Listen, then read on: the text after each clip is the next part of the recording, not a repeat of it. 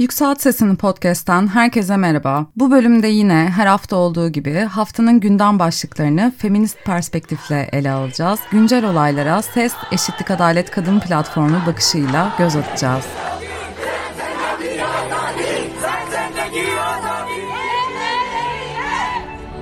Eşitlikadaletkadın.org'da bu hafta yayınladığımız bazı haberlerle birlikte gündeme dair uzman görüşlerine de yer veriyoruz bugün. Tüm dünyanın gündeminden düşmeyen İsrail-Hamas savaşı yine odağımızda. Sosyal medyada bilgi kirliliği çok yaygın. Özellikle savaş ve felaket dönemlerinde yanlış bilgilerin nasıl yayıldığını ve kendimizi bu sistematik dezenformasyondan nasıl koruyacağımızı da konuşacağız. Bu hafta ilgimizi çeken diğer haberlerden de kısa kısa kesitlere yer vereceğiz. Fazla vakit kaybetmeden haftanın kadın gündemine özel özetlemeye başlayalım. Ben Duygu İslamoğlu, Yükselt Sesini podcast'tesiniz. Haftanın kadın gündemi başlamak üzere.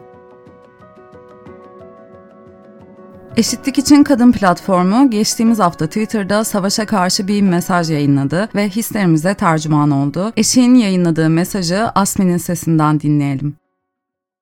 Savaşsız, şiddetsiz hayat hakkımızdan vazgeçmiyoruz. Biz kadınlar savaşları iyi biliriz. Tepemize atılan bombalardan, başımıza yıkılan evlerimizden, ölümlerden, yoksulluktan, göçlerden, yok edilen doğadan, en çok da savaş silahı olarak kullanılan, tacize, tecavüze uğrayan bedenlerimizden biliriz. Uzak ve yakın coğrafyalardaki tüm savaşlardan, yaşananlardan biliriz. Bugün Orta Doğu'daki savaşların ve çatışmaların yeniden alevlendiğini, alevlendirildiğini dehşet içinde izliyoruz. Bu savaşlara alışmak, bu dehşetle yaşamak istemiyoruz. Yıllardır Irak'ta, Yemen'de, Suriye'de süre gelen savaş ve silahlı çatışmaların ardından sadece şu son bir hafta içinde bile Gazze'de, Rojava'da sivil yerleşimler, hastaneler, yaşam alanları bombalanıyor. İnsanlar ve doğa ölüyor. Gıdaya erişim engelleniyor. Kadınlar ve çocuklar şiddete uğruyor. Zorunlu göç koşullarına mecbur bırakılıyor. Savaşların silah sanayicileri ve destekleyicilerinden oluşan bir avuç kazananı olduğunu ama kaybedenlerin yoksullar, kadınlar ve çocuklar olduğunu hatırlatıyoruz. Savaşlar sırasında doruğa ulaşan erkek egemen şiddetin erkini ve hiddetini kadın ve çocuklara arttırarak yönelttiğini biliyoruz kadın bedenini ve emeğini ganimet olarak gören ve gösteren her türlü kültürel ve siyasal fikre karşı çıkılmalıdır. Sivillere, kadınlara ve çocuklara karşı şiddetin mazereti yoktur. Asla kabul edilemez. Soyut barış temennileri hatta sadece savaşa karşı olmak yeterli değil. En başta milliyetçilik, ırkçılık, cinsiyetçilik, türcülük olmak üzere toplumu militaristleştiren her türlü politikaya, işgallere, dayatılan tezkerelere ortak ve güçlü bir sesle hayır denmeli. Barışın isteği ve ihtiyacı daha fazla göz ardı edilmemelidir. Güvenli yaşam ve herkes için özgürlüğü önceleyen, kalıcı barışın inşası süreçleri de dahil, hayatın her alanında kadınların etkin ve eşit katılımını garanti altına alan feminist dış politika istiyoruz. Savaşa ve şiddete hayır, barış hemen şimdi. Geçtiğimiz hafta Washington Post'ta yayınlanan ve Teyit.org'da da Türkçe olarak paylaşılan Savaş Zamanlarında Yanlış Bilginin Uzun Tarihi başlıklı yazı bu hafta dikkatimizi çekenler arasındaydı. Cornell Üniversitesi'nden Barry Strauss'un kaleme aldığı yazıda politikacılar konuşurken özellikle de savaş hakkında konuşurken yanlış yönlendirmeye hazırlıklı olmalısınız deniyor. Antik çağlardan beri bilgiyi, gerçeği manipüle etmenin en çok da savaş zamanlarında nasıl önemli olduğu anlatılıyor. Bu hafta platformumuzda yer verdiğimiz haberler arasında feminist düşünür Judith Butler'ın da bir yazısı var. Yasın Pusulası başlıklı yazıda şahit olduğumuz şiddetin ve karanlığın bilgi çağında nasıl yoğrulduğu anlatılıyor. Judith Butler diyor ki, sömürgeci şiddetin tarihi hakkında biraz bilgi sahibi olmak ve şimdi bölgede yaşananları bildirmek ve açıklamak ve önceden yorumlamak için kullanılan dili, anlatıları ve çerçeveleri incelemek ahlaki pozisyonlarımızı tehdit etmemeli. Politikacıların bizi hangi şekillerde yanıltabileceğini artık iyi kötü biliyoruz. Ana akım medyada bir devlet başkanının çıkıp herhangi bir savaştan söz ettiğini duyduğumuzda belki biraz daha şüpheyle yaklaşmaya meyilli olabiliyoruz. Ama sosyal medyada karşımıza çıkan bir bilgiye veya habere her zaman aynı şüpheyle yaklaşmayabiliyoruz. Türkiye'de kurulmuş ve 2016'dan beri yalan haber ve yanlış bilgilerin yayılmasıyla mücadele eden doğrulama faaliyetleri yürüten Teyit Orgu duymuşsunuzdur. Uluslararası doğrulama kuruluşları tarafından da onaylanan teyit topluluğu Meta ve TikTok'la doğrulama partneri olarak da çalışıyor ve şu anda en güvenilir doğrulama platformlarından biri. Teyit şüphe kası kavramını ortaya atıyor ve bilgi çağında bilgi kirliliğinden korunmak için şüphe kasımızı güçlendirmemiz ve çalıştırmamız lazım diyor. Bunun için de karşımıza çıkan bütün haberlere veya söylemlere duygularımızı kaptırmamamız gerek. Son birkaç yılda gördüğümüz gibi sosyal medya aynı zamanda propaganda ve dezenformasyon için çok güçlü bir araç olabiliyor. İşin ilginç yanı dijital platformlarda bu tür olumsuz kullanımlar konusunda sorumluluk almaktan kaçınıyor. Bu konuya birazdan daha detaylı değineceğiz ama önce Teyit'in de sesine yer vermek istiyorum. Teyit'in eğitim programları sorumlusu ve Teyitpedia editörü Esra Özgür sorularımızı yanıtladı. Güncel haberleri ve sosyal medya paylaşımlarını tüketirken şüphe kasımızı nasıl çalıştıracağımızı şöyle anlattı herkes için ve her zaman geçerli olabilecek basit bir öneri olarak geliştirdik şüphe kası kavramını aslında. Teyit sözlükte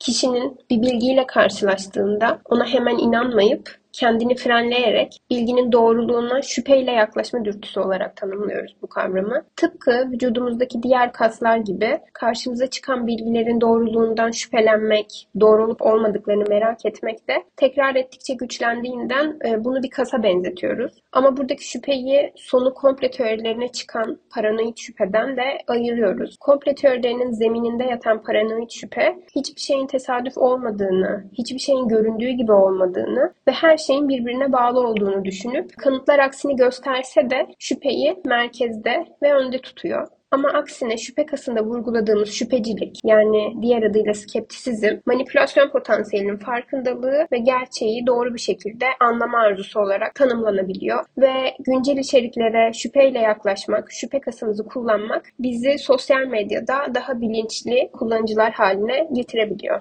Yalan yanlış haberler duygularımızı hedef alarak bizi yakalıyor ve hem ruh halimizi hem de politik duruşumuzu manipüle ediyor. Dezenformasyona maruz kalmanın bizi nasıl etkilediğine dair Esra Özgür'ün aktardıklarına yer verelim. Olumsuz etkilerine bakmadan önce belki dezenformasyondan kastımızın ne olduğunu açıklayarak başlayabilirim. Kasıtlı olarak üretilen yanlış ya da yanıltıcı bilgilerden bahsederken dezenformasyonu kullanıyoruz. Kasıtsız, e, istemeden oluşan ya da yayılan yanlış bilgiler içinse mezenformasyon kavramı var. Kasıtlı olsun ya da olmasın yanlış bilginin yaygınlaşması bazı riskler yaratıyor. E, çünkü sağlık, politika, eğitim ya da ekonomiyle ilgili aldığımız her kararın altında tükettiğimiz bilgiler var. Yani kararlarımızı bu bilgilerin üzerine inşa ediyoruz. Kendimizi ve etrafımızdakileri etkileyebilecek kararlarımızı bu bilgilere dayanarak alıyoruz. Örnekler üzerinden yaratılabilecek olumsuz etkileri biraz konuşabiliriz. E, yanlış bilgiler nefret söylemini yaygınlaştırmak için bir araç haline gelip mevcut kutuplaşmayı, ayrımcılığı ve damgalamaları besleyerek bazı toplumsal grupları tehlikeye atabilir. Bu tehlike çok gerçekçi ve sadece çevrim içi dünyada kalmayan, çevrim dışına da taşınan boyutlara taşınabiliyor.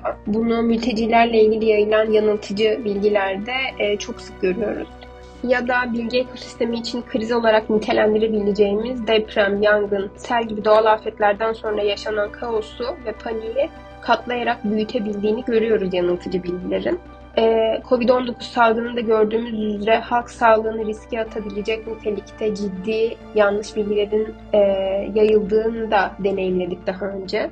Ama daha yapıcı bir yerden özetlemem gerekirse cevabımı basitçe doğru bilgi doğru karar aldırır diyebilirim. Peki dezenformasyona karşı ne yapacağız? Teyit topluluğu bunu web sitelerinde ve sosyal medya hesaplarında sık sık anlatıyor. Teyit'ten Esra Özgür'ün bize aktardıkları ise şöyle. İnternetteki yanlış bilgi problemi çok katmanlı bir sorun. Yani tek başına bireyleri sorumlu tutabileceğimiz, yapılması gerekenleri sadece kendi omuzlarımıza yükleyebileceğimiz bir mesele değil. Ama bireysel olarak yapabileceğimiz şeyler de yok değil. Ee, ilk önerim yavaşlamak. Bir paylaşımla etkileşime geçmeden, onu beğenmeden, paylaşmadan, temelde onu yaygınlaştırmadan önce yavaşlayıp şüphe kasımızın çalışmasına alan açmak gerekiyor. Bu pratik için kendimize bazı sorular sorabiliriz. Karşılaştığım bilgiyi okuyunca nasıl hissettim? Sinirlendim, gururlandım ya da panikledim mi? Bu soruyu sormamızın amacı şu, e, yanıltıcı bilgilerin duygularımıza hitap etmekte çok daha iyi olduğunu biliyoruz. Bu yüzden bir paylaşım yapmadan önce temel motivasyonumuzun öfke, çaresizlik ya da endişe olmadığını bilmek kıymetli.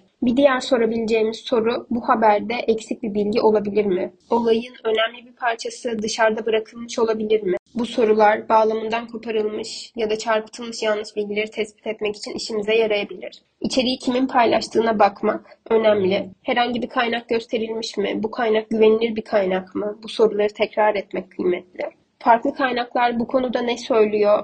Buna bakmak kıymetli. Haber tüketiminde çok sesliliği korumaya özen göstermek vurguladığımız noktalardan. Ve bu bilgi kimin işine yarayabilir, kime zarar verebilir ee, sorabileceğimiz bir diğer soru. Bu sorular eleştirel dijital okuryazarlık serüvenimizin başlangıcı olabilir. Eğer bu soruların yanıtları şüphenizi destekliyorsa şüphelendiğiniz bilgileri teyitle paylaşabilirsiniz. Sosyal medya platformları 2010 yılında başlayan Arap Baharı sırasında önemli ve yepyeni bir haberleşme ve haber alma kaynağı olarak öne çıkmıştı. 2013'teki Gezi Parkı protestoları sırasında da bu platformların ne ölçüde etkili olabileceğine hepimiz birebir şahit olmuştuk. Yalan haberler de dolaşıyordu, sonra yalanlanıyordu. Doğru kaynağı bulduk mu, sıkı sıkı tutunuyorduk ve kesin bilgi, yayalım deyişi dilimize iyice yerleşmişti. Editörümüz bu hafta Ses Eşitlik Adalet Kadın platformunda yazar Kyle Çayka'nın The New Yorker'da yayınlanan yazısının çevirisini yayınladı. Yazıda Çayka geçen yıllar boyunca sosyal medya platformlarının birer haber alma yayma platformu olarak nasıl evrildiğini kapsamlı bir şekilde özetliyor. Örneğin Twitter'ın Elon Musk'ın sahipliği altında içerik moderasyonunu azalttığı, Meta'nın Facebook'ta kullanıcıların ana sayfada gördüğü haber makalelerinin sayısını azalttığı ve TikTok'un da haber içeriğinden uzaklaştığı belirtiliyor. Ancak daha da endişe verici olanı bu platformlar artık algoritmik savaş sisleri yaratıyorlar. Bu sayede gerçekle birlikte yarı gerçek ve tamamen yanıltıcı bilgiler de bir arada dolaşabiliyor. Bu noktada özellikle etik ve güvenilirliğin sorgulandığı bir dönemde sosyal medyanın medyanın bu evrimi bize ne anlatıyor? Yeni algoritma düzenlemeleri artık kime veya neye güveneceğimizi nasıl belirliyor? Teknoloji şirketleri bu durumu düzeltmek için ne tür adımlar atmalı ve en önemlisi bu yeni algoritma dünyasında gerçeği nasıl bulacağız? Kyle Chayka'nın yazısına göre sosyal medya platformları sadece kendilerine özgü algoritmalara sahip olmakla kalmıyor. Aynı zamanda bu algoritmaların hangi içerikleri öne çıkaracağını, kimlerin sesini duyurabileceğini ve hangi konuların tartışılacağını da belirleyebiliyorlar. Bu demokrasinin temel taşlarından biri olan bilgiye erişimi doğrudan etkiliyor. Çünkü birçok insan için sosyal medya günlük haber akışının ana kaynağı haline geldi. Ama bu algoritmaların öznel ve manipülatif olabileceği, hatta bizi yankı odalarının içine hapsedebileceği gerçeğini de unutmamak gerek. Kyle Chayka'nın yazısının Türkçe çevirisine eşitlikadaletkadın.org'da ulaşabilirsiniz. Linki açıklama kısmında paylaşıyoruz. Sosyal medya artık doğrulanmış gerçek zamanlı bilgi kaynağı olarak pek kullanılmasa da kamuoyunu yönlendirmek için bir savaş alanı olmaya devam ediyor. Daha 10 Ekim'de Hamas'ın İsrail bebeklerin başını kestiğine dair korkunç bir söylenti X'te dolaşmaya başladı. Başkan Biden geçen hafta savaşla ilgili açıklamalar yaparken bu tür vahşet görüntülerini kendi gözleriyle gördüğünü ima etti. Ancak yönetim daha sonra Biden'ın yorumlarını geri aldı ve söylentinin çürütüldüğünü bildirdi. Bebekler Hamas tarafından öldürülmüştü ancak kafa kesildiğine dair bir kanıt yoktu. Perşembe günü İsrail Devleti'nin resmi Twitter hesabı olarak tanımlanan ve söylentiyi destekleyen İsrail adlı X hesabı bebek cesetlerinin görüntülerini yayınladı. Bazı X kullanıcılarına bu paylaşım reklam olarak sunuldu ve hesabın mesajı tanıtmak için ödeme yaptığı öne sürüldü. Peki bir reklam gerçek bir haber sayılır mı? Kullanıcıların platformların rehberliği olmaksızın neyin doğru olduğuna kendi başlarına karar vermek zorunda bırakılması çok acı ve aynı zamanda absürt. Eğer ortada gerçek gerçekten de algoritma ile beslenen bir savaş sisi varsa teknoloji şirketleri bu sisi ortadan kaldırmak için herhangi bir sorumluluk üstlenmekten kaçınıyor gibi görünüyor. Bu hafta üzerinde en çok kafa yorduğumuz konuyu savaş dönemlerinde dezenformasyonun bizi nasıl etkilediğini ve bu bilgi kirliliğine karşı neler yapabileceğimizi konuştuk. Daha detaylı bilgilere ve haberlere Ses Eşitlik Adalet Kadın platformu üzerinden ulaşabileceğinizi hatırlatalım. Özellikle sosyal medyadaki yalan haber tuzağına düşmemek için stratejiler başlıklı yazıda biraz önce konuştuğumuz tüm bu dezenformasyon curcunasına karşı neler yapabileceğimize dair detaylı öneriler yer alıyor. Haberin linkini yine açıklama kısmında paylaşıyoruz.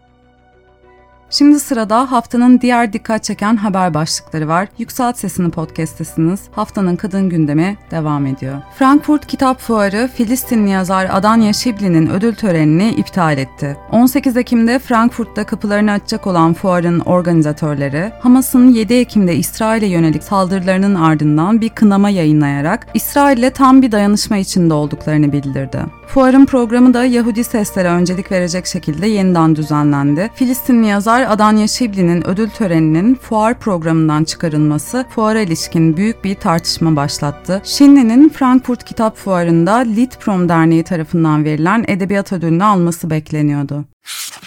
Boğaziçi Üniversitesi'nde yaşanan baskılar ve akademik özgürlüğe yönelik müdahaleler devam ediyor. Son olarak kampüsteki kapalı havuz ve fitness salonunda haremlik selamlık uygulaması başlatıldı. Bir günden Kayhan Ayhan'ın haberine göre Boğaziçi Üniversitesi'nde bulunan kapalı havuz ve fitness salonu programına cinsiyet ayrımı getirildi. Hisar Kampüs kapalı havuz ve fitness salonu ile ilgili saat güncellemesi yapıldı. Boğaziçi yönetimi tarafından gönderilen e-postaya göre tesis haftanın belirli gün ve saatlerinde yalnızca kadınlara kadınlara, diğer günler ve saatler arasında da yalnızca erkeklere hizmet verecek. Tesiste daha önce böyle bir uygulama yoktu. Boğaziçi Üniversitesi akademisyenlerinden Cem Say, üniversitenin 100 yıllık tarihinde kimsenin aklına gelmeyen uygulamaların şimdi hayata geçirildiğini belirterek, Üsküdar ve Eyüp Sultan Belediyesi gibi çeşitli belediyelerden idari kadroya geçenler oldu. Bunlar da demek ki böyle alışmışlar ki bu uygulamaları hayata geçiriyorlar. Boğaziçi'nin 100 yıllık duruşu var ve başka yerde gördüğümüz tuhaflıkları şimdi burada görüyoruz dedi. Milli Eğitim Bakanlığı okul öncesi eğitim ve ilköğretim öğrencilerini kapsayan yönetmelikte köklü değişiklikler yaptı. Buna göre anaokulu ve ilköğretim kurumlarında mescit açılması zorunlu hale getirildi. CHP İzmir Milletvekili ve Türkiye Büyük Millet Meclisi Adalet Komisyonu üyesi Deniz Yücel, yönetmelik değişikliğini yürütmeyi durdurma istemiyle Danıştay'a taşıdı. Kabul etseniz de etmeseniz de laiklik ilkesi Türkiye Cumhuriyeti Devleti'nin zorunluluğudur, vazgeçilemez denildi. ÇEDES projesi Dolayısıyla okullarda imamların derse girmesinin önünü açan Milli Eğitim Bakanlığı, okul öncesi eğitim ve ilköğretim öğrencilerini kapsayan yönetmelikte de köklü değişiklikler yaptı. Buna göre okullarda teneffüslerden biri en az 20 dakika olacak. Daha önce 45 olan sınıf geçme puanı Türkçe dersi için 70'e, diğer dersler için 50'ye yükseltilecek. Bütün bu değişikliklerle birlikte anaokulu ve ilköğretim kurumlarında mescit açılması da zorunlu hale getirildi.